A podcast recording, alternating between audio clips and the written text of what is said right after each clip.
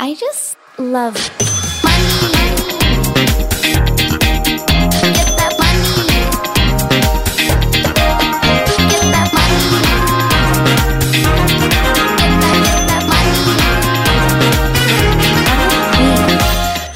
mandag og velkommen til en ny episode av Karrierekvinne podcast.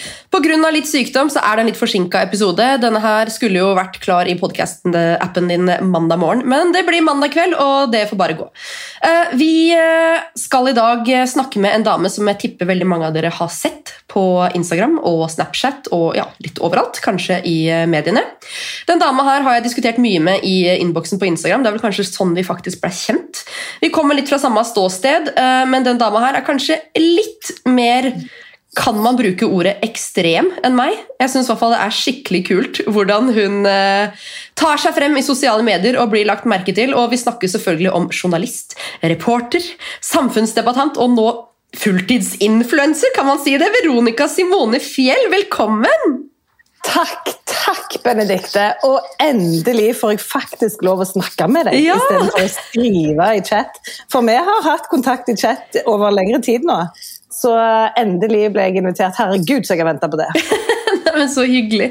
Nei, men eh, det er som jeg sa til deg i start, jeg føler jo liksom at jeg kjenner deg, men sånn er det jo ofte med sosiale medier, da, når man liksom har chatta litt og Ja, Vi ser iallfall eh, trynene til hverandre hele veien, for jeg følger jo deg tett. Og eh, nå når jeg ser deg, så ser jeg jo at jammen meg er du ikke ekte på eh, Altså, du er ekte der og ekte her. Ja, nei, og det er samme folk jeg liker. Det er godt å vite. Det er liksom, eh, man skal ikke være så fin på det, tenker jeg. Være seg sjøl i alle kanaler. Det liker jeg. Og det, det er jo du også. Herregud, jeg så deg Jeg har vel sett deg en gang før, sånn så vidt på Vixen rett før pandemien brøt ut.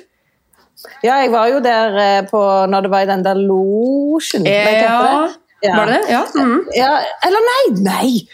Du så, eller Vi så ikke hverandre, men jeg så jo deg på et bilde av meg på rød løper på den første viksen jeg var på. Ikke du gravid og belma på det som jeg trodde var champagne, men så var det alkoholfritt. Det er et Ja. bilde av meg eh, på et eller annet sted, og så zooma vi inn, og så så vi hun som sto og så eh, belma baki der. Og så skrev jeg noe morsomt om det, og så viste det seg at det var deg. Husker du det? Det stemmer, det er sånn faktisk vi Ja. snakka sammen første gang. Du bare, se hun bak meg står og bærer med champagne. Jeg bare, du, det var Yes. alkoholfri! Jeg var gravid! Ja, ja, ja, ja, ja, sånn var det. Og så traff vi jo hverandre kanskje så vidt ja, på den nummer Ja, to-viksen min. ja, ja. ja. Kanskje vi skal møtes på viksen i år? Altså, Ja, på tide det- å få vite. Nei, det er litt spesielt, holdt jeg på å si, på grunn av det her. da. Det blir i oktober, i hvert fall. Men eh, jeg vet ikke når man får vite liksom Nei, nei, Hvor lang tid de trenger. Folk, nå har jo folk drevet oss og hevet fram eh, sine favoritter nominert de. Ja. Så vi får vel vite snart, da. Hmm. Spennende er det i hvert fall. Men eh, for de som ikke har eh, fulgt med de siste åra, hvem er du? Jeg er hun på 40, den mest usannsynlige påvirkeren av de alle. fordi at jeg er jo Altså, Jeg er så frakobla skjønnhetsbransjen at jeg egentlig føler at jeg har ingen plass her å gjøre. For jeg føler at influenserbransjen har vært veldig fokusert på å pushe skjønnhetsprodukter. Og eh, der er jo jeg liksom motvekten, da. Men jeg er tobarnsmor, bor i Stavanger, samboer, eh, har en flott hage. Har jeg fått meg nå, for jeg har kjøpt meg enebolig, så jeg er liksom kommet der i livet. Så jeg var nettopp ute i hagen og plukket ugras. altså Sånn er jeg. Og så eh, har jeg jobbet som journalist i lokal-TV i Stavanger i 15 år. Men eh, nå i sommer så var det slutt. Jeg eh, sa opp jobben for å så prøve å være med på å definere influenserbransjen. For det er en bransje som jeg har virkelig sansen for. Og mange aktører, deg deriblant, uten å smiske altså, men som jeg har veldig sansen for, og som jeg skulle ønske at fikk mer oppmerksomhet. eh, At de fikk flere følgere, og at det var mer av dere eller oss som var med på å liksom peile ut eh, veien her. fordi at eh, de store influenserne i dag de har jo egentlig bare vært et offer for denne samfunnsutviklingen. Og jeg skjønner jo at de trår feil, og at det der kan bli litt sånn mye av én type ting i monitor. Så nå skal jeg liksom være hun der snusfornuftige gamle som kommer inn og så ikke har pekepinn. Det har ikke så veldig lyst til å ha som pekefinger, men i alle fall kan prøve å bidra med mitt. da. Ja, men det tror jeg du eh, kommer til å naile. Og det er så god plass til deg. Vi trenger som sagt flere som eh, oss. Men også noen med holdt jeg på å si, litt mer kjøtt på beina. har ikke det jeg skulle si. litt mer, altså, det er også for så vidt. Noen som har litt erfaring da, fra journalistbransjen. Du er jo jentemamma, du har ganske mye å bidra med. Eh, men altså, ok, du er utdanna journalist. Ja. Jobba som journalist og reporter, var det 15 år du sa? Eller 15 Ja. år i lokal-TV. Ja. Og så altså, Hvordan har det vært nå å bare si opp jobben sin? Jeg var jo der for ett år siden, så jeg vet jo hvordan det var for meg, men er det skummelt? Veldig. Men eh, jeg satt faktisk nå i forbindelse med at vi skulle podde, så satt jeg og tenkte litt. Det er syvende uka mi eh, som selvstendig næringsdrivende, aka fulltidsinfluenser. Og fy fader, så gøy det er. Og så utrolig morsomt det er å lære mer om denne bransjen, som jeg egentlig er veldig sånn kritisk mot. sant? Eh, jeg har jo bare på disse syv ukene fått en helt annen forståelse for hva slags jobb det her er. Og jeg er jo en av de som har sittet der og bare OK, så mye arbeid. Eh, det var jo en sånn VG-artikkel, vet du. eh, om at det var ei som sa at det er mye arbeid å jobbe som influenser. Så var det Mats Hansen, som jeg liker veldig godt, som skrev eh, Nei, skrev han bare punktum. Så mye arbeid kan det ikke være. Men jeg kan si det, at dette er arbeid. Hvis du har lyst til å jobbe for å leve av det, så er dette arbeid. Jeg har vært i flere møter eh, disse syv ukene enn hva jeg har gjort på 15 år. Det kommer ikke reglene på i fjøl. Du er nødt til å finne det, oppsøke det sjøl. Spesielt hvis du ønsker å bidra med noe annet inn i bransjen enn bare det der vanlige. Eh, Så det er mye arbeid, men det er veldig kjekt arbeid og givende. Og du selger liksom produktet ditt. Du står liksom der med rak rygg og skal eie noe helt sjøl. Jeg bare er fra meg av begeistring foreløpig. Å, så gøy! Altså, Jeg elsker også Mats Hansen, men akkurat den der da, Det er første gang han har provosert meg, tror jeg. jeg pleier alltid liksom Heia, heia! Og jeg bare Fy faen, du aner ikke, liksom. Men det er det som er greia, fordi at jeg er jo der som Mats Hansen. Jeg har jo tenkt det òg. Og jeg tror at noen influensere gjerne opplever at det er enklere. sant? Men nå snakker jeg om den bransjen som ønsker å være med på å utvikle dette til å være en sånn rederlig jobb. Mm, yes! Eh, at det er misforstått. Og det skjønner jeg. Jeg skjønner at Mads Hansen har misforstått det. Jeg hadde misforstått det. Men jeg, jeg blir ikke provosert av det. Jeg tenker at Da er det bare enda mer grunn til at uh, vi skal jobbe for oss å kommunisere hvordan det faktisk er. Ja, det er sant. Og så tenker jeg at det er to typer influensere. Det er de som liksom tar imot det som kommer i innboksen, om det er Ideal of Sweden og tannbleking og litt sånn forskjellig, som bare ja, sier seg fornøyd med å jobbe lite og tjene kanskje 400 000-500 000 i året. Og så er det de som er i det for businessen, og de som kanskje må jobbe litt hardere da, for å få de samarbeidene som ikke kommer rekende på ei fjøl. Så tror jeg det som du er inne på der nå, altså det høres jo dødskult ut. Jobbe lite og tjene 400 000-500 000. Altså, hvem er det som ikke egentlig ønsker det? Det eneste vi vil med livet, er jo å slutte å være i A4 og heller ha mer tid. Men jeg tror jo at siden denne bransjen er så ung, så vil det der være en veldig kortsiktig tanke. Hvis du prøver å bygge deg opp med å jobbe lite og tjene mye, så er du ferdig på fem år. Yes. Men jeg eh, tenker at nå har jeg slutta i denne flotte jobben som jeg hadde i løpet av 15 år, for å egentlig prøve å jobbe mer med dette over lengre tid. Jeg tenker at jeg skal ikke leve 100 av å være fulltidsinfluenser, men jeg har tenkt at jeg skal tjene penger på dette hver måned i en eller annen form eh, i flere år, egentlig. Jeg tror ikke at sosiale medier og influensermarkedsføring er død om fem år. Jeg tror at det har endra seg mye, og forhåpentligvis har jeg vært med på sammen med deg å endre det til det bedre. Men eh, jeg tenker at det skal være små, små skritt som til slutt gir kjempeavkastning.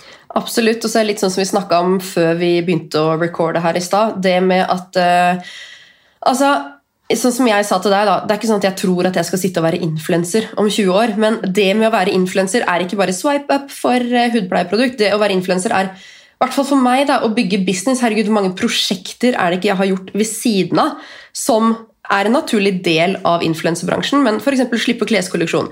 Jeg slipper jo en ny, eh, en annen type kolleksjon i oktober, kan ikke si noe mer om det ennå.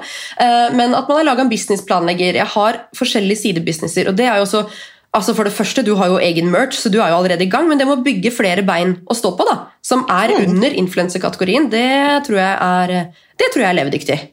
Og det husker jeg at når jeg starta med mitt merch i eh, forbindelse med et One Woman-show jeg hadde i 2019, for jeg tror det var i 2019 at jeg starta med merch, hvis ikke det var tidlig 2020. Sent 2019 eller tidlig 2020 eh, starta jeg med merchandise, så var det ingen, så jeg, som hadde gjort noe lignende som influenser. Men jeg tok kontakt med noen som jobber med dette i Stavanger, som henvender seg til band og artister. Og så sa jeg, men hvorfor har ikke influensere den samme type greier? Fordi at vi har jo tilhengere på samme måte som band og artister har. «Å», så var han litt sånn, ja, kanskje vi skulle prøve da. Og så rullet vi det ut, og så var det bare sånn en umiddelbar suksess. Og dette her har jo vært månedslønn for meg nå helt siden. Og så har flere kommet med det. Og det syns jeg er fantastisk bra, for med en gang du skal produsere noe eget og ha noe å kommunisere ut, så må du tenke. og da må du finne et budskap, og det er jo steinbra for mine jenter på 13 og 7 år at det fins forbilder der ute som har faktisk tenkt en tanke før de pusher ut produktene sine. Så det er jeg faktisk eh, En av de tingene som jeg faktisk er overbegeistra for og stolt over, men òg veldig overraska over, er at dette merchandiset har faktisk vært en kjempesuksess. Ja, men det er så kult, og det er, det er så gjennomført. Det er så deg. Uh, jeg syns bare det der er eh, Nei, helt eh, fantastisk. Og så ser du liksom etter hvert da, nå har jo, Hvem andre er det som har gjort det stort med mercha? Isabel Eriksen har vel eh, gått Ja. eh, fullt inn? Linnea Myhre òg hadde jo Ja, noe. stemmer. Det lenger. Mm. Eh, Og det skjedde òg. altså Jeg sier ikke at jeg var den første, for det Kan vet jeg ingenting om. Men det er sånn som når du er gravid, vet du. Så du ser ingen som er gravid rundt deg før du får mage sjøl, og så plutselig er alle gravid. Sånn følte jeg det var med merchandise.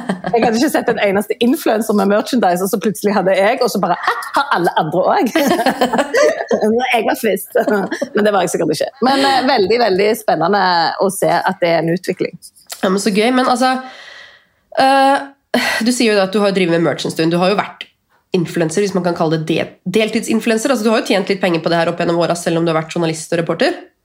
Ja, og jeg har jo tjent penger på mine prosjekt. Altså, jeg har pusha boka mi gjennom kanalene mine. Jeg har hatt et one woman show som har solgt 14 000 billetter. Åh, det er helt fantastisk. til. Og det har vi gjort uten å markedsføre det på andre kanaler. Altså Det er utelukkende mine kanaler som har solgt de billettene.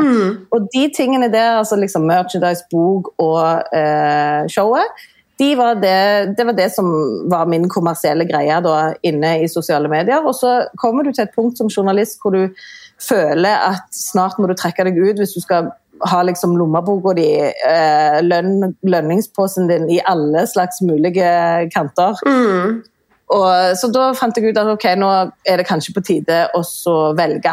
Skal jeg fortsette med TV eh, her i lokalt i Stavanger, eller skal jeg liksom gå fulltidsinfluenser? Så da gjorde jeg det, da. Og siden så har jeg jo fått samarbeid med andre aktører. Så vi lanserte en studentboks som var med et lokalt firma her, og den føyk ut. Vi hadde bare 500 stykk, men de var ferdigsolgt på under ei uke. Og det var ja, masse sånne små prosjekter jeg kan begynne med nå som jeg ikke kunne før. da. Så Så det skaper, skaper, skaper. Det er så moro. Skikkelig, skikkelig gründer. Men eh, hva var det som gjorde at akkurat den sommeren her det var nå du skulle si opp og satse? Var det det at du skjønte hvor mye penger det var i det her? Var du lei av jobben din? Altså, var det noe, Ja, hva var det som Det liksom er jo sånn kjedelig kombi av alt. Men jeg tror jo korona påvirker oss mange på mange måter. Og jeg har ikke hatt hjemmekontor fordi at jeg har vært TV-reporter, og da kan du ikke sitte hjemme. Så vi har jo hatt en helt sånn vanlig hverdag på jobb, så det preger meg ikke sånn. Men jeg tror nok at all den tida eh, vi snakker om omstilling, at jeg plutselig begynte å tenke det på privat basis òg. Og så ble jeg jo 40, så det var kanskje en slags krise. Og eh, da var jo valget skal jeg bytte ut mannen eller jobben. Eh, og så er jeg liksom steinfornøyd med mannen, og så var jeg egentlig ganske fornøyd med jobben òg, men um, da, da trakk han det lengste loddet, så han ble, men jobben måtte ut. det var et tøft valg, egentlig, for jeg har veldig mange gode venner i TV Vest, Uh, og har vært uh, ansikt utad for den kanalen de 15 årene jeg har jobbet der, men jeg tror ikke jeg angrer. Nei, fantastisk. Men da må jeg spørre deg, som journalist selv, hvordan har det vært å kombinere de to rollene der? Fordi jeg som journalist, det ble litt sånn Jeg syns det var litt vanskelig. Nå kan det hende at jeg hadde en annen type sjef enn deg, men jeg syns det var vanskelig å kombinere rollen influenser og journalist. Det var veldig mye ting som jeg ikke kunne uttale meg om som journalist, og da mista jeg de temaene i avisa. Veldig mye ting, f.eks. å skrive om en nyåpna eh, klinikk i Drammen. Eh, og så samarbeider jeg kanskje privat med konkurrenten. Altså, det blei veldig mye sånn crossovers som kanskje ikke var helt innafor. Hvordan har det vært for deg eh, opp igjennom? Har det vært liksom smooth sailing? Ja, jeg har hatt en sjef som har jevnlig hatt bare samtaler med meg om eh, hva jeg tenker om videre. Etter hvert som jeg på en måte fikk flere følgere, da, i hovedsak på Snapchat. Men aldri fått en sånn 'det er nå du må velge'-greie. Så det gjorde jeg helt av egen tanke, da. Men jeg ble jo egentlig influenser fordi jeg gjorde et prosjekt på jobben. Så eh, det har nok vært med på å gi meg litt sånn kred internt i miljøet her, da. Mm. Eh, I journalistikken her. At OK, nå er hun influenser, men det er jo fordi hun har gjort et journalistisk arbeid. For jeg ble jo veldig provosert av fotballfrue den gang, eh, som la ut bilde av sin Magen. mage ja, etter fødsel, og var en eh, av de liksom, som var sterkest ute i media og kritiserte det. Og på den tida, når det bildet verserte, så uh, hadde jo jeg ikke peiling på det, men jeg var gravid sjøl. Mm. Jeg var sånn fem uker gravid. Så fant jeg ut det sånn to uker ut i debatten, og så fant jeg ut at OK, hvorfor er jeg så kritisk til dette magebildet? Eh, kan det være at det har skjedd noe fra forrige gang jeg fødte dette, altså min første barn, til jeg nå skal føde dette barnet, som gjør at det kan være positivt med dette fokuset på mors kropp? Altså, kan dette cupcake-universet og treningsuniverset etter fødsel faktisk være ok? At jeg måtte utforske det. Og da ble Yummy Mummy alter egoet mitt til. For jeg lagde en dokuserie på syv episoder, åtte episoder hvor jeg levde eh, i hermetegn som fotballfrue. Og gikk i gang med trening raskt etter fødsel og prøvde å bli en yummy mummy. Og det var jo eh, bare et, en inngang med fotballfrue. Dette var ikke en serie som kritiserte henne overhodet, men det kritiserte en samfunnsretning som fokuserer på mors kropp etter fødsel, som jeg etter å ha bare googla veldig kjapt fant ut var f.eks. framme på et helt annet eh, punkt i Sverige, bare. Der er det mammaklinikker hvor du legger deg inn og blir fettsugt og løfta mm. og innsydd eh, rett etter fødsel. Og det er helt greit, liksom. Mommy makeover. Ville, yes, sant? Mommy makeover. Så um, det var jo sånn jeg på en måte fikk, uh, fikk en fot da, i influenserbransjen. Så kanskje det var det som gjorde at det ikke var så vanskelig å kombinere. Da må jeg jo spørre, hvordan var det å leve som fotballfrue? Eh, det, jeg, hva jeg fikk? Jeg fikk faktisk eh, journalistpris for det arbeidet der med den dokuserien. Og det hadde TVS aldri fått. Normalt er det skriftlige medier som får disse prisene. For TV er et sånt ullent media, i alle fall i lokalbransjen. Eh, lokaljournalistikken. Så vi fikk pris for det, og jeg bare var så happy. Men det sto, eller ikke men, og det sto i juryens begrunnelse at svaret var det vel to streker unna det var helt jævlig. Jeg eh, ble jo Mista melka mi eh, ja. i brystene eh, tidlig. Jeg eh, slutta jo å spise skikkelig, for jeg makta det ikke. Jeg var våken hele tida selv om ungen sov. altså Kroppen var hele veien i sånn krise. Jeg gikk ned masse i vekt og inn i midje. Men på langt nær så mye som jeg burde, var konklusjonen. Fordi at PT-en så at kroppen var i krise den var jo utkjørt etter mm. dette maratonet med fødsel. Og jeg, jeg var jo underskudd på søvn, og hormonene var jo i hele rommet når vi var og trente. Så han sa at kroppen din holder igjen. Mm. Du har gått ned mye i vekt, hallo, halleluja, liksom. Men hadde det vært en normal person i en normal situasjon, så hadde jo jeg blitt eh, altså enda mer fit. Mm. Men eh, det var ikke lenge til, så var jeg oppe igjen på min idealvekt. Nei, men da har du funnet matchvekta di. ja. Altså, eh, egentlig så var jo eh, dokuserien bare ga jo uttrykk for det som jeg var veldig kritisk til, nemlig at det er ikke det er ikke tre uker eller to måneder etter fødsel at du skal gå i gang og tenke på at du skal ned i size zero, altså. Nei, det er helt sant. Men altså Tilbake igjen til sosiale medier og det med at du gjør det her til eh, en bedre plass og kroppspress. Hvorfor er det her så viktig for deg? Det ble det fordi at jeg skjønte mer av greia etter at jeg hadde gjort den dokuserien. Og så snakket jeg veldig mye med unge jenter som forventa å føde små barn og ha liksom eh, flat mage rett etter fødsel, gå rundt med liten mage mens de var gravide, så skjønte jeg at ok, nå har det jo skjedd et eller annet med kroppspressfenomenet, for det vil jo alltid være et press. altså Jeg lever ikke i den tro at vi skal komme rundt uh, til et samfunn hvor vi aldri fokuserer på utseendet. Altså, det der med utseendet er jo egentlig noe fantastisk, men med sosiale medier og internett så har jo det blitt et uh, veldig sånn ensidig fokus på hva som er idealet. Mm. Og så handler jo kroppspress om at fotballfruer skal få lov å vise magen sin, men da må det være x antall andre mager i annen fasong som blir framvist.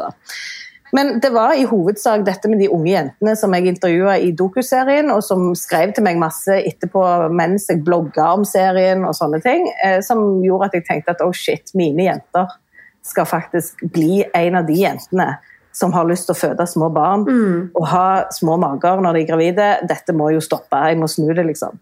Så eh, jeg er jo ikke en sånn kroppsaktivist eller positivist som viser så mye av min egen kropp for kroppen sin skyld mm. i sosiale medier. Sikkert fordi jeg er så voksen, og sikkert fordi jeg har ei, ei jente på 13. Sant? Hvor kult er det å se mor si bretta utover i alle slags posisjoner på sosiale medier? Hun er jo på Instagram sjøl. Så jeg, jeg, prøver jo å kommunisere det på en annen måte. For jeg har jo lyst at Instagram og Snapchat skal være et sted for opplevelse snarere enn kropp. Mm. For min kropp tro det eller ei, den kan jo faktisk bidra til press, den òg. det er jo sånn vi sitter og sammenligner oss sjøl. Ja. Så noen vil jo være større enn deg, noen vil være tynnere enn deg, og så vil de ønske å være deg av en eller annen grunn fordi at mm. de ser opp til deg. For du har en sterk stemme, du stråler uansett hva du har på deg, men så sitter de der på jenterommet og føler seg veldig sånn åh, jeg har ikke det som f.eks. Benedicte har, jeg burde gjerne ha det. Så vi skal passe oss for liksom, at vi i alle fall eh, prøver å influere med andre ting enn bare kropp når det kommer til kroppspressdebatten. Da. Ja, jeg er veldig enig i det, at det er ikke alltid det der med å riste på flesket foran kamera. At det er ikke det man nødvendigvis trenger, men bare det å vise at man har en kropp. Ikke vise den fram, men bare sånn derre ja, for eksempel jeg, da, at jeg hopper fra båten ut. Jeg er en størrelse 42, liksom, men det er ikke sånn derre øh, altså, Trenger ikke alt det derre å photoshoppe, eller for eksempel, som veldig mange influensere gjør. Sånn, de sier da, hvis de selger en kjole det her er størrelse 42, eh, den er for stor for meg, altså, fordi jeg er egentlig en 38. Eller det er så veldig mange sånne derre Nei, det er så veldig mye rare måter å kjøre kroppspress på, men bare det å vise at Hei, jeg har en kropp, men kroppen er ikke fokuset. Du kan godt få mm. se på kroppen min, men det er ikke derfor jeg legger ut det bildet. her. Det er ikke for å posere i bikini og vise fram rumpa mi, men det er bare meg i bikini på en strand fordi jeg bader i dag. Altså.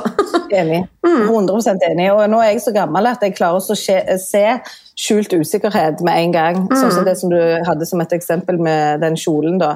Og det er fordi at jeg ser usikkerheten i jenta mi. sant? Jeg mm. eh, går jo rundt på tå hev og tenker hvordan skal det gå med denne lille snuska mi som jeg prøver å liksom lede fram i livet til å ha sjøltillit og være boost-dame og liksom ikke bry deg om utseendet, bry deg mer om kvaliteter og liksom prøve hele veien å snakke sånn. Men hun sitter jo med den telefonen i hånda uansett hva jeg prøver å gjøre, så vil du jo være en del av dette samfunnet med mobil mm. i hånda, med alle disse inntrykkene rett inn.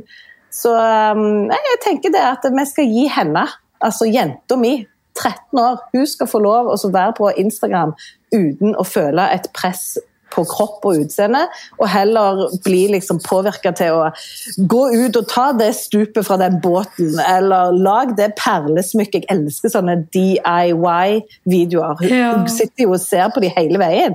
Så akkurat den delen er jo fantastisk. Men ja, mindre kropp i monitor, selv om vi trengte den der eh, disse på flesk-generasjonen. Mm. Vi trengte det som en slags revolusjon. Det var det. De, det. de, skapte Altså, de bana vei for veldig mye.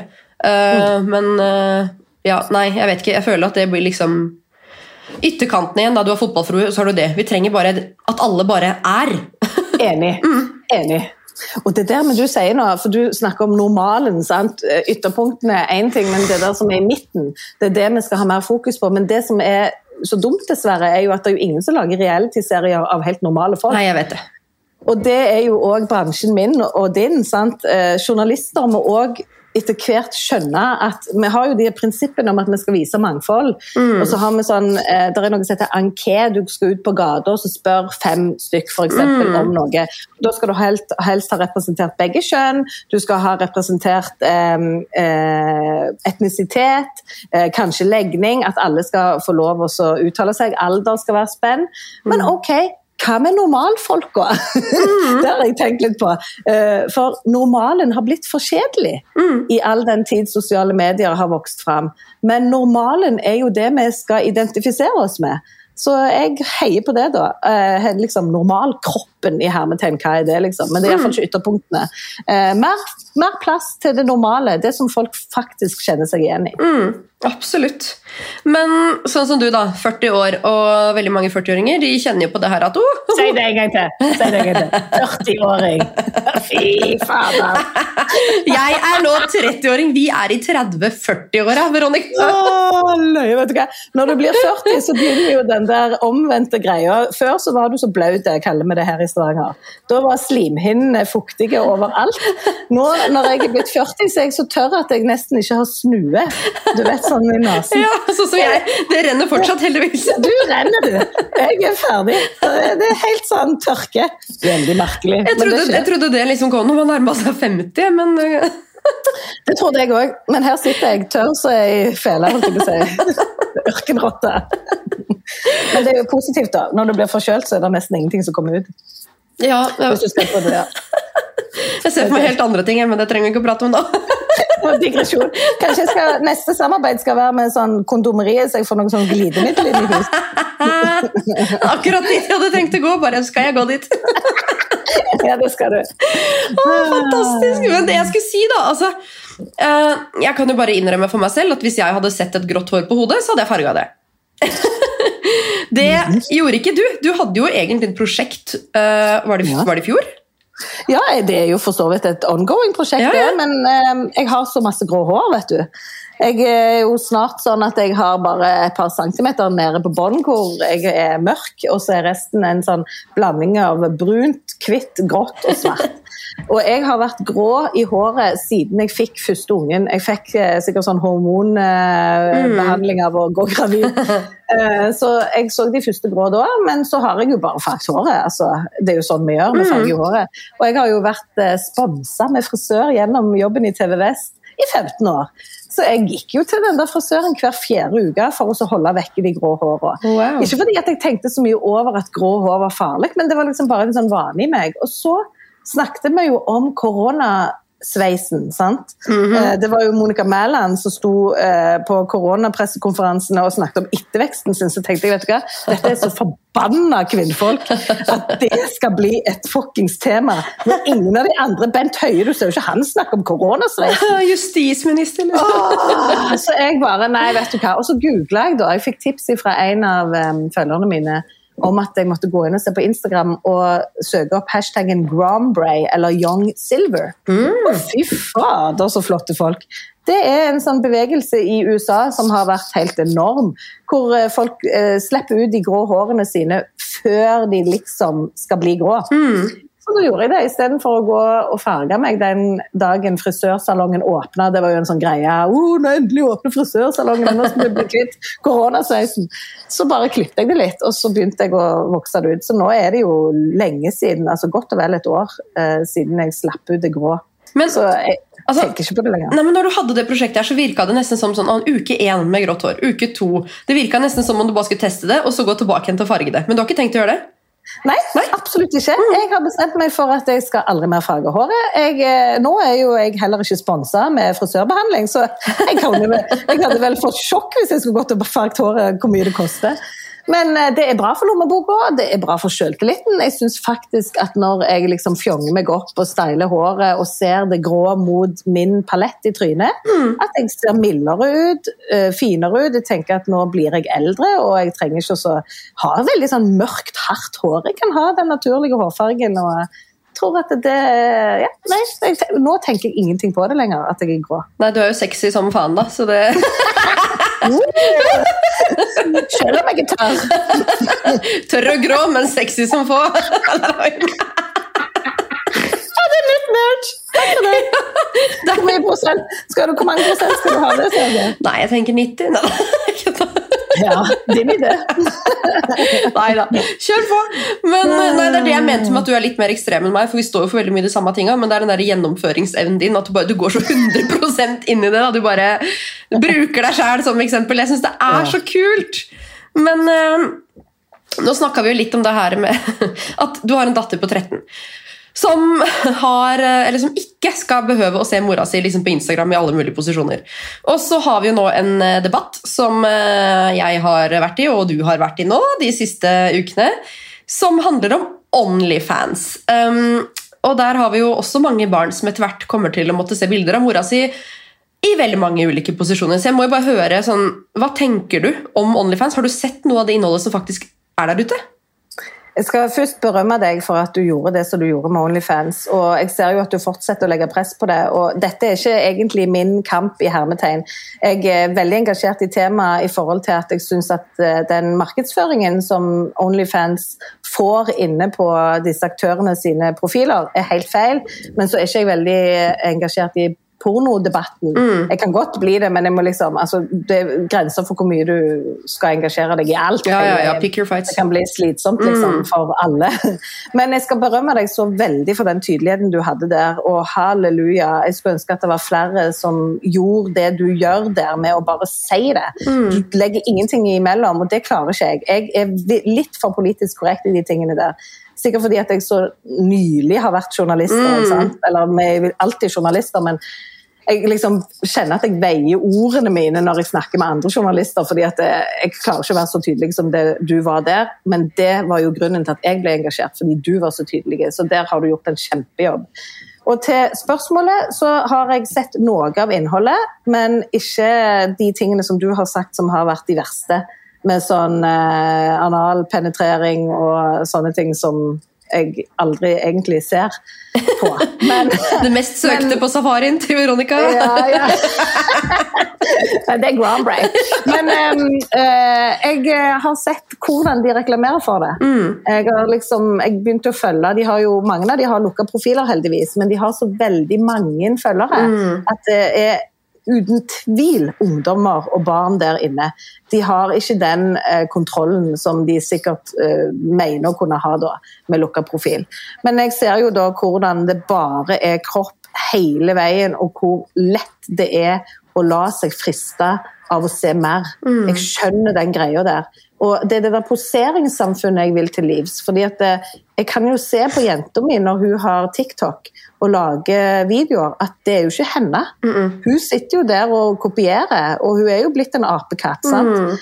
Jeg har jo født ei jente, ikke en apekatt. Så jeg er veldig opptatt av at hun skal se ting som inspirerer henne til å være unik, framfor å bare kopiere. Men jeg føler at alt det der som skjer med promoteringen av Onlyfans, blir så forlokkende i så feil grad at jeg til slutt tror jo at hun ender opp med å ville se mer.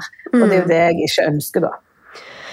Ja, altså, nå har jeg jo Jeg gikk jo veldig hardt ut i begynnelsen, men så endra jo hele debatten fokus. At det handla nesten mer på jentene bak, da, og at de skal få lov til å gjøre hva de vil, og kvinner er fri og female empowerment. Altså, jeg har mye å si om det, det har du sikkert hørt, men den derre markedsføringsdebatten som jeg ønska, den døde jo helt ut, og jeg vet jo også at det er på liksom litt på, på grunn av valget. Det var en litt sånn ugjennomtenkt kamp å ta sånn rett før valget, for jeg ser at Fredrik Solvang har jo ikke plass til å ta den debatten, og ingen som har plass til å ta den debatten her nå. Eh, men jeg gir meg ikke når valget er over. Vi kjører på. Kanskje vi til og med får en ny regjering snart. Um, men én ting er jo det at det er problematisk for de som driver med det her i fremtiden. Det har jeg snakka om, skal ikke gå dypere inn på det. Men problematisk for andre, den her markedsføringen og den lukrative fremvisningen med kontoutskrifter, med livsstilen deres nede i Spania og det er liksom bare å slenge seg på eh, første, hva skal jeg si, første taxi til Chanel og Louis Vuitton. Og jeg skjønner jo at ungene blir påvirka, så jeg må få på plass en markeds, markedsføringslov her. Og jeg vet jo at du har jo vært litt involvert i ja, hele det her med FIM, Forbrukertilsynet, bloggpolitiet, bloggpatruljen, hvilken jobb de gjør, eh, rapportere inn. Syns du de gjør en god, jobb, en god nok jobb her? Har de vært på banen? Fim er veldig bra fordi at det plutselig fikk eh, influenserne til å skjønne at det er noen som følger med dem. Altså, Det er jo et organ, men de har ingen sånn juridisiell funksjon. De kan ikke bøtelegge, det handler bare om ei ripe i lakken. Og dessverre for Fim så har jo de felt eh, de samme personene så mange ganger nå at det vil jo bli sånn at influenserne ler av det. For det har jeg sett at de òg har eh, prøvd seg på i sine storyer, de som har blitt felt. Da, at liksom ha-ha-ha nok en gang. Så Pga. det så har dessverre Finn kanskje spilt ut rollen sin litt. Mm. Så jeg jobber jo og har dialog med Forbrukertilsynet i større grad. fordi at eh, jeg mener jo at eh, dette her er jo en politisk sak allerede.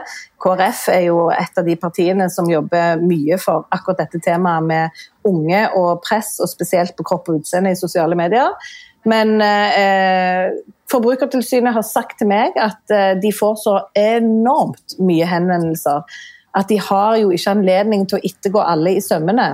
Så foreløpig har de rett og slett ikke hatt kapasitet, og det handler jo bare om penger. Det er en politisk greie å få inn flere folk som er ansatt i Forbrukertilsynet, aka meg. Jeg kan godt jobbe der.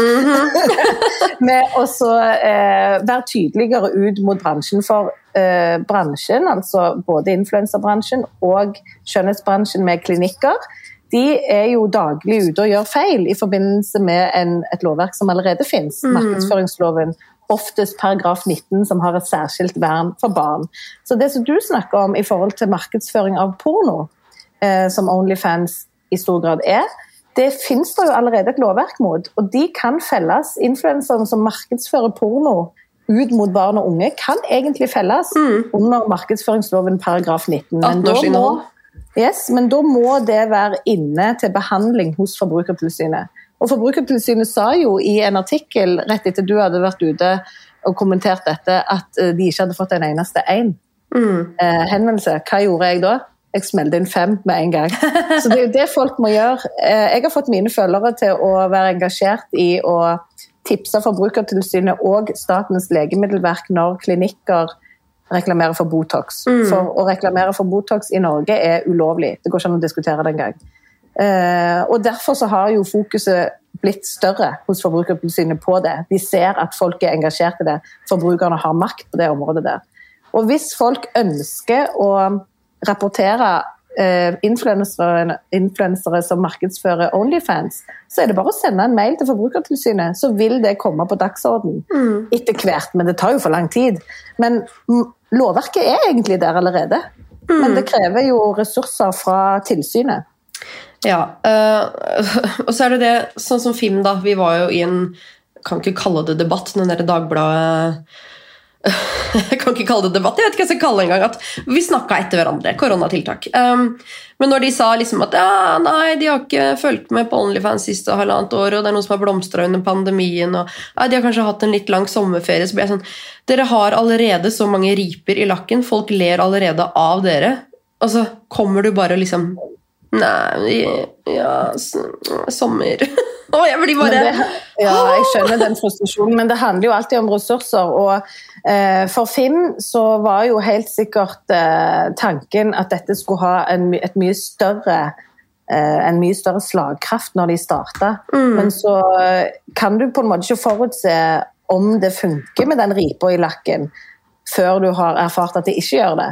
Så jeg tror jo bare at de eh, sikkert internt diskuterer nå veldig hva de skal gjøre for å få tilbake den troverdigheten som et sånn veiledende organ. Da. De gjorde jo ekstremt mye bra i starten. Ja. De fikk jo Forbrukertilsynet til å lage et nytt etisk regelverk. Mm. Eh, og vi har jo knapt sett en fillersreklame hos norske influensere etterpå. Er sant. Så Fim var og er et fantastisk bra tiltak, men nå tror jeg at det er norsk lovverk som må på plass. Fordi at eh, vi ser jo ikke reklame for porno i busskur. Vi ser jo ikke reklame for Botox eller fillers i toglinjene, altså nede på T-banestasjonen. Og det er det en grunn for, fordi det er ulovlig i norsk sammenheng. For hvor er det barn og unge? Jo, de er ute i det offentlige rom, busker og togbanene. Men barn og unge de forholder seg jo ekstremt mye til mobilen. Så det offentlige rom har jo endret seg veldig. Hva er offentlige rom nå? Jo, det kan jo faktisk være et digitalt rom. Så det er jo noe som jeg tror kommer til å være en større debatt i tida framover, i forbindelse både med Onlyfans, men òg det som jeg er veldig engasjert eh, for, nemlig press fra skjønnhetsbransjen. At uh, når bare de der uh, politikerne sender posen med penger inn til Forbrukertilsynet, så får de en egen sånn, enhet, en avdeling, Ja, men som altså- handler om barn. De seks millionene som ble gitt til det såkalte bloggpolitiet, hvem var det som fikk de, og hva ble gjort? Forbrukertilsynet. Og de hadde jo et press på det. Og så skjedde det en sånn endring i Forbrukertilsynet rent strukturelt etterpå. At de la ned et kontor i Oslo og flytta til et annet. Og da var det akkurat som Nav. Det bare ble 1000 byråkratimeldinger. Så jeg vet at derfor så stagnerte hele det prosjektet der. De var veldig på ballen, og så bare forvitrer det. Og så skal de tilbake igjen til de greiene. Så det har jeg tro på. Og han som jeg har mest kontakt med i Forbrukertilsynet da, han sier at dette er noe som veldig mange engasjerer seg for i Forbrukertilsynet. Men de trenger på en måte nå å samle seg for å lage den strukturen på ny. Så det er sånn som det ofte er, gjerne, at det var uheldig timing. Eh, Men det er godt at du sier det. Seks millioner kroner. Hva ble brukt av de på det? Ja, for bare, Det For, kan eh, være tolv årsverk. altså, Ja, det kan absolutt. være tolv mennesker som faktisk sitter og ja, eh, jobber der skoen trykker. da. gikk nok eh, Yes. Og den der Instagram De har jo noe som heter Bloggpatruljen Bloggpatruljen, på mm. Instagram. Den gikk jeg jo inn og screenshotta til han og sendte. Så jeg, jeg tror det er det det heter. Eh, og så sa jeg her var det ganske dødt, skrev jeg til han. Og han bare ja. Sist, eh, jeg så jo at de hadde noe 9. april. 9. april er siste oppdatering. Ja, ikke sant. Åh, nei, Det er bare det som frustrerer meg. Da, det her at vi, eh, åh, i hvert fall jeg som skattebetaler, her ser jeg 6 millioner går til potensielt tolv årsverk som kan rydde opp litt, og så bare koker det bort i kålen som alt annet. Men vi kan Men, eh, oppfordre de, de som hører på, til å gå inn til bloggpatruljen på Instagram og følge de. Nå har de 574 følgere. Hvis de får flere følgere, så kommer jo på Forbrukertilsynet til å se at forbrukermakten er gjeldende. At ok, her er det folk som ønsker mer trykk her inne. Og så vil det være med på å tegne kanskje nytt engasjement der inne. Mm. Men um, det er jo bare sånne små ting som jeg kan bidra med. Men jeg er helt enig, det skal jo være et mye større fokus hos myndighetene og eh, politisk akkurat på dette her greiene her. Ja, nei, eh, ja, helt enig. Vi er liksom ferdig med å felle de som reklamerer for, eh, eh, for betakaroten og energidrikkene. Nå er vi liksom Nå kan vi steppe opp litt her. Nå må det skje noe. Men eh, jeg har jo lyst til å få inn noen som driver med Onlyfans i podkasten her også. Det hadde vært litt spennende. Foreløpig er det bare én som meldte seg, som dessverre sitter på litt dårlig nett i Marbella. Men vi må jo prøve å få til det òg. Det er jo også en karrierevei, selv om jeg ikke har lyst til å fremme det på noen måte. Men stille litt mer kritiske spørsmål da, og grille de kanskje litt mer enn det man får i en debatt som egentlig ikke er en debatt. Eh, hva er det du ville spurt de om? Nei, Du spurte jo meg om noe som jeg ikke svarte på, nemlig eh, det der med at jeg har fokus på at min 13-åring ikke skal se mor si eh, i eh, verken flatterende eller uflatterende stillinger på sosiale medier. Eh, jeg tror jo at hvis vi stiller det spørsmålet til ei på 20 år som har vært med på realityshow og nå tjener gryn på lettkledde bilder eller sexvideoer inne på Onlyfans, så vil ikke det ha effekt. fordi du, du tenker ikke sånn. Jeg vet jo at de kommer til å angre på det, men uansett hvor mye jeg sier det, så vil det bare prelle av liksom, som vann på gåsa. Ja, Det blir bare den der masete tanta liksom, som jeg følte meg litt. Så jeg skal jeg ikke ha barn, jeg, så det er ikke så farlig. Jeg bare åh. Jeg skulle jo bare ha ett barn, her sitter jeg med to. Så vi vet jo at alle, Og jeg skulle aldri slutte i jobben i TV Vest, i alle fall, så da vet vi jo det. Jeg skulle ikke ha hage heller, for så vidt, og nå har jeg det. Men eh, jeg skulle iallfall ikke bli grå, og nå er jeg grå. Ok, jeg kunne bare fortsatt. Men um, jeg tenker at det er lurt å bare plante en tanke i alle som er unge, som byr på seg sjøl. Uh, og da kan en jo spørre, og det er det sånn verste spørsmålet jeg får, men hva er femårsperspektivet her? For uh, Onlyfans uh, kan jo være noe som fortsatt eksisterer om fem år, og det kan jo være du har sassiness nok til å være med i det universet og selge deg sjøl på den måten i fem år til. Men hva hvis du ikke har det? Hva eh, konsekvenser har det for drømmejobben din hvis du plutselig finner ut at du faktisk er en lederperson og har lyst å vet ikke, ta over sjefsstillingen i Equinor? Mm. Kommer du noen gang til å kunne realisere det etter at du har solgt hva var det du sa, musa di? Ja. Jeg har sagt så mye rart. Jeg... Ja, ja, ja, du sier, du sier jo helt syke ting. Jeg sitter der og bare «Åh, Så du God journalisten, morgen, God morgen Norge! Bare, så journalisten i Dagbladet bare Oi, wow, gosh! Jeg elsker det.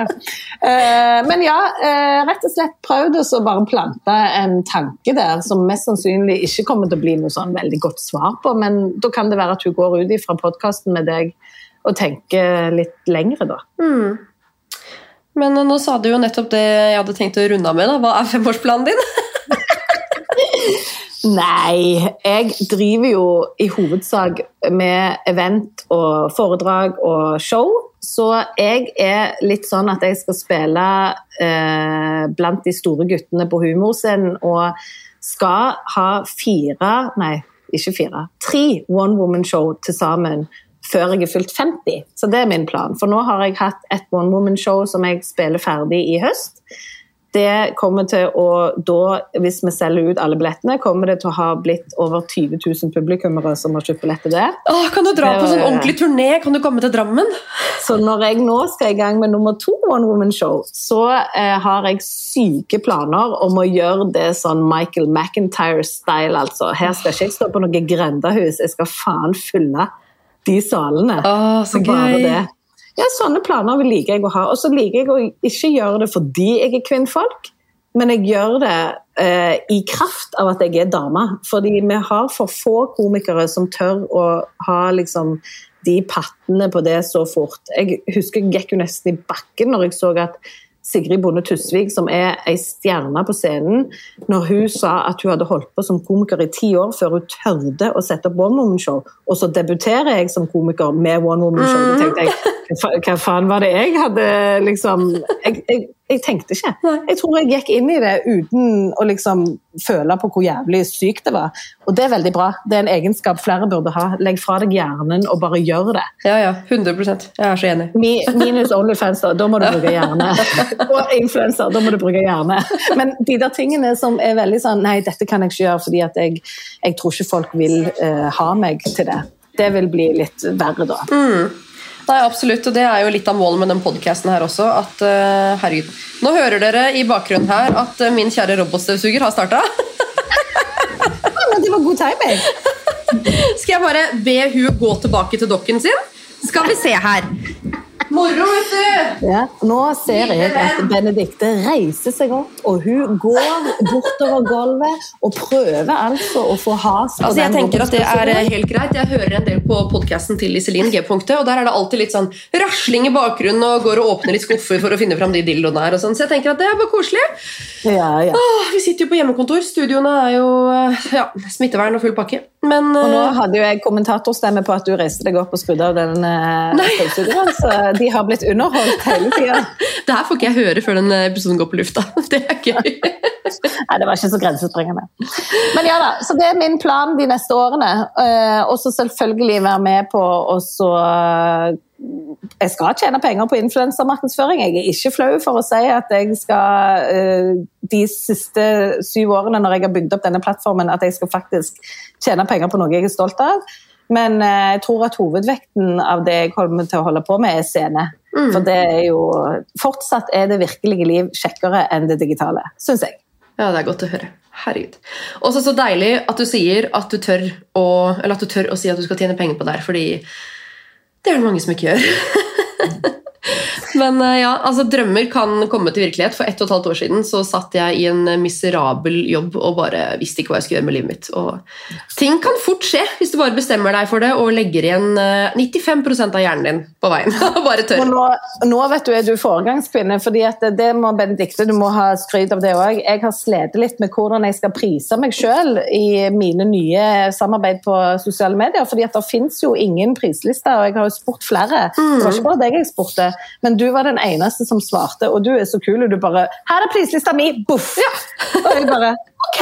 Og så hadde, da hadde jeg noe å gå jeg, altså, forholde meg til. Mm. Og det har jo løsna masse for meg. For nå står jeg der med liksom rak rygg og pattene fram og bare Ja ja, men dette er prislista mi, sier jeg liksom. Ja, men det er sånn det skal være, og det er jo litt av det jeg gjør med ja, altså podcasten her, og den tilhører jo da firmaet mitt Equal Agency. Der legger jeg også fram prisene mine til alle medlemmene som er influensere, og jeg kan også bidra med å lage mediakit til de som er usikre på prisene sine, og si 'det her er du verdt'. Minst. Så det er liksom noe med det å bare Ja. Og så si nei, da, hvis du får et skambud. Ikke si sånn 'Å, men jeg trenger de 500 kronene'. Sånn, Gjør du virkelig det? Og så skal du òg passe deg for at hvis folk sier ja med en gang, så kan det være at prisene dine er litt lave. ja. Så der er jeg litt sånn, nå skal jeg føle meg fram. Jeg har jo hatt et hagesamarbeid, jeg har hatt et samarbeid med en app. Eh, opplevelsesapp på Øyrike her ute i Stavanger. Nå skal jeg i møte etterpå med et eh, eh, tips, kaller de seg. Det er noen som jobber med tidlig oppdagelse av psykose oppe på Universitetssykehuset her i Stavanger. De har lenge hatt lyst til å prøve seg på influensermarkedsføring, men de har ikke følt at de hadde noen å henvende seg til. Så nå spurte de meg. Skal jeg opp der og snakke med de? Og så håper jeg at jeg får noe sånn kanelsnurren som jeg er så glad i, og skal vise det behind the scenes. Jeg prøver liksom å finne ut av hva, er det, hva bransjer er det som passer seg inn i influensermarkedsføring, og hvordan kan du gjøre det visuelt underholdende. Og, jeg, jeg syns det er fantastisk. Ja, Det kommer til å gå så bra. Jeg heier på deg. Jeg håper vi ses snart på Vixen. Jeg håper du kommer på turné til Drammen. Hvis ikke, så ja, ser jeg deg Jeg skal komme på et sånn et event, har jeg lyst til. Det Ja. ikke noe. Du skal jo ha noe til helga, tror jeg. Ja, det blir Ja. dritbra. Det passer ikke for meg denne helga. Jeg håper at du skal ha et event eh, som er i ukedag. Ja, og så vil jeg ha deg på scenen en gang.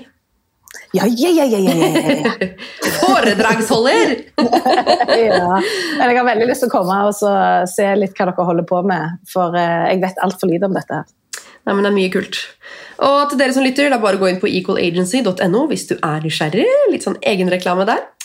Tusen takk, eh, Veronica, for at du stilte opp i dag. Det er eh, så kult. Du er så kul dame og en inspirasjonskilde og et veldig godt forbilde for meg, alle følgere, alle influensere, alle, egentlig. Tusen takk, i like måte. Tusen takk.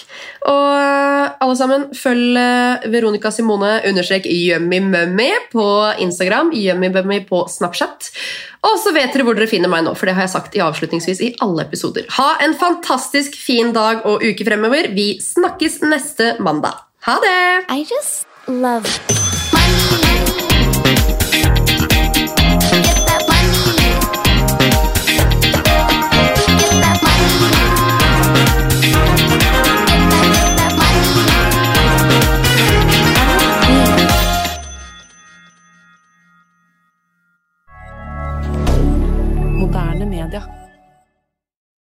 Har du et enkeltpersonforetak eller en liten bedrift? Da er du sikkert lei av å høre meg snakke om hvor enkelt det er med kvitteringer og bilag i fiken, så vi eh, gir oss her, vi. Fordi vi liker enkelt. Fiken superenkelt regnskap.